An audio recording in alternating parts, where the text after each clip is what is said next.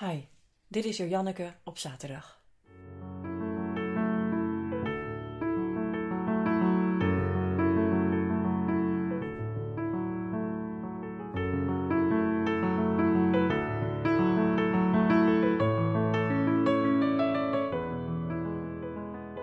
Weet je wie de letter R tot voor kort niet kon uitspreken? Amanda Gorman, die dichteres die tijdens de inauguratie van de nieuwe president haar gedicht voordroeg. Dat gedicht dat nu de wereld overgonst, net als haar naam. Leven met een beperking en dan toch de vetste baan van de wereld krijgen. Net als in Bidens speech en zoals Lady Gaga in The Star Spangled Banner zong, hoorden we dat woord dat de hele dag overal doorheen sijpelde. Brave. Dapper. Je kunt pas dapper zijn als je bang bent of als je een beperking hebt waar je overheen moet stappen voordat je verder kunt. Zonder garanties. Maar als het lukt, dan ben je vrij. Vrij om te doen wat je wilt doen, wat je moet doen. Het klinkt allemaal geinig en spannend en heel heldhaftig en prettig. Het is alleen wel een proces. Maar eerst even terug naar die beperkingen. Zijn die dan echt nodig om dan goed te presteren, om iets te bereiken of om te resoneren in de wereld? Op een bepaalde manier, ja. Het zou natuurlijk super smooth sailing zijn als er geen beperkingen zouden zijn. Chill je leven leiden, niks aan het handje, baantje, salarisje, vakantie, white picket fence, huisje en alle spiegeltjes en kraaltjes die bij het Instagram-leven horen. Geen verlies, geen pijn, geen gedoe, één groot walhalla. Maar weet je, Joe Biden heeft niet zo'n leven. Joe Bidens eerste vrouw Nelia en zijn dochtertje van net één jaar verongelukte in 1972 in een auto-ongeluk. Zijn zoons Bo en Hunter overleefden. Maar Bo stierf in 2015 na een ziekbed. En Hunter heeft ook zo zijn uitdagingen. En ondanks hartverscheurend verlies, van de omvang die je adem beneemt en je sprakeloos maakt, raakte dus zijn spraak hier en daar een beetje loos. En toch doorwerken. Met naast zich in Washington a whole lot of Bidens op zijn 78ste. Gebeurtenissen die je sprakeloos maken. Verlies bijvoorbeeld. Ik stotterde ook als kind, ook na een verlieservaring. Maakte me sprakeloos. Een mijlpaal zou je kunnen zeggen. Niet zo'n leuke mijlpaal. Ik herinner me echt nog als de dag van gisteren hoe het was om vreselijk te stotteren. Ik zal uit solidariteitsoverwegingen, mocht ik vandaag nog even stotteren, het niet uit de opname knippen. Hm. Ja. Toen ik een jaar of tien was, toen stotterde ik zo erg dat er als een soort van mitrailleur een paar woorden uitkwamen, maar met heel veel moeite. En ik voelde dan dat mijn, uh, mijn middenrif helemaal bevroor, vastzat. En ik gewoon wel wist wat eruit moest komen, maar ik kreeg die eerste letter er maar niet uit. En als je dan je zus voor rotte vis wil uitschelden, is dat hartstikke lastig. En ook een beetje lachwekkend voor de ander. Maar de frustratie zal je nooit vergeten.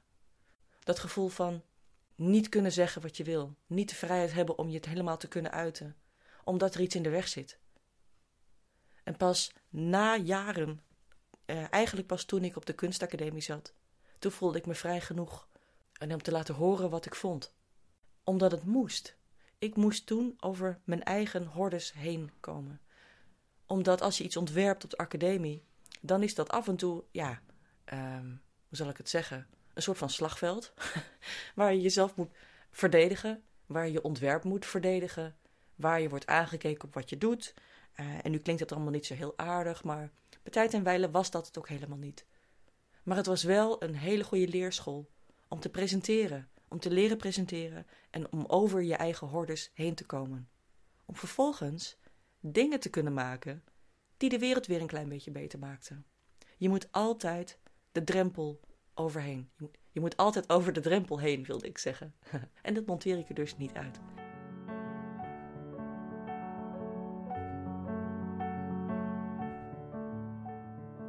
Later had ik positieve mijlpalen.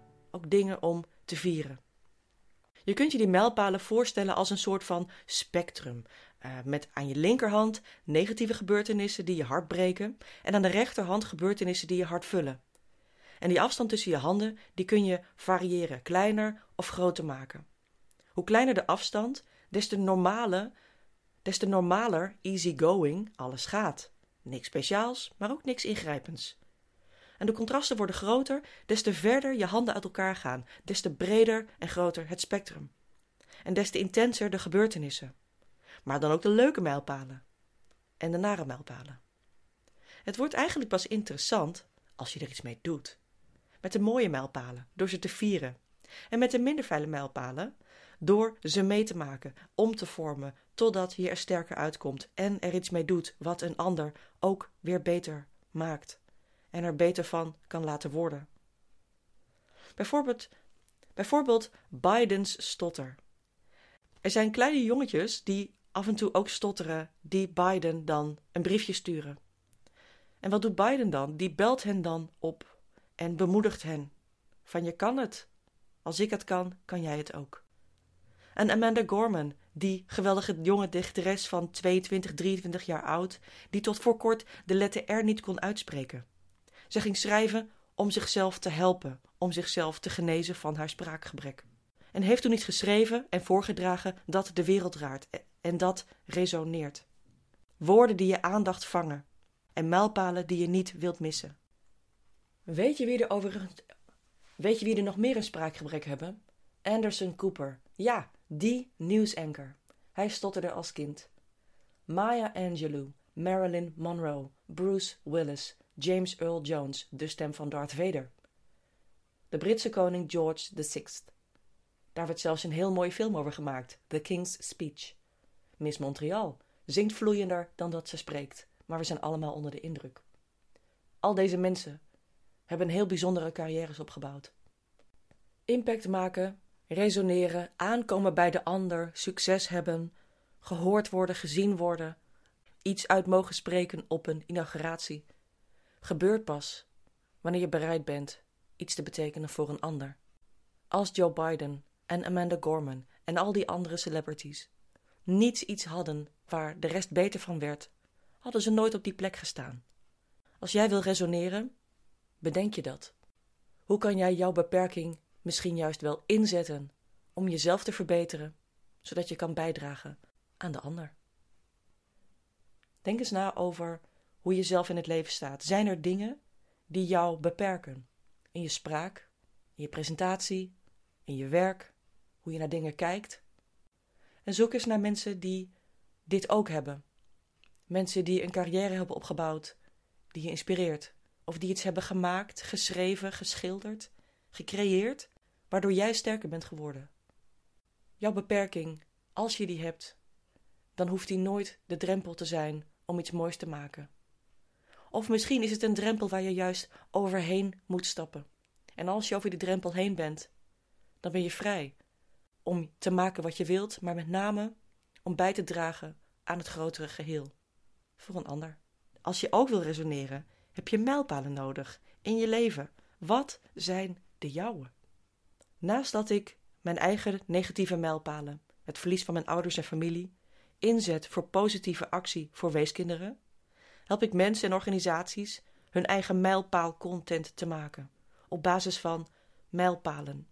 En ideeën te ontwikkelen, innovaties te verwezenlijken en op te leveren om dingen voor een ander beter te maken. Je moet over die drempel heen om vervolgens ook impact te kunnen maken, om beter te kunnen worden. Dus eigenlijk is mijn uitdaging. Nee, Janneke. eigenlijk is mijn uitnodiging aan jou. Zoek de drempel op. Als jij zin hebt in mijlpaalcontent en benieuwd bent wat de jouwe zijn, dan kan ik je daarbij helpen. Ga dan naar jojanneke.me schuine streep mijlpaalcontent. Jij mag natuurlijk helemaal zelf weten wat je doet vandaag. Hoe je vandaag ervaart. Ik hoop dat je vandaag fijne mijlpalen meemaakt. Misschien zitten je handen vrij dicht bij elkaar hè? en is het spectrum niet zo extreem heb je eigenlijk gewoon een fijne, normale zaterdag zoals zaterdagen horen zijn. En laten we die kleine zegeningen absoluut niet kleiner maken dan ze zijn, want de kleine dingen zijn de grote dingen.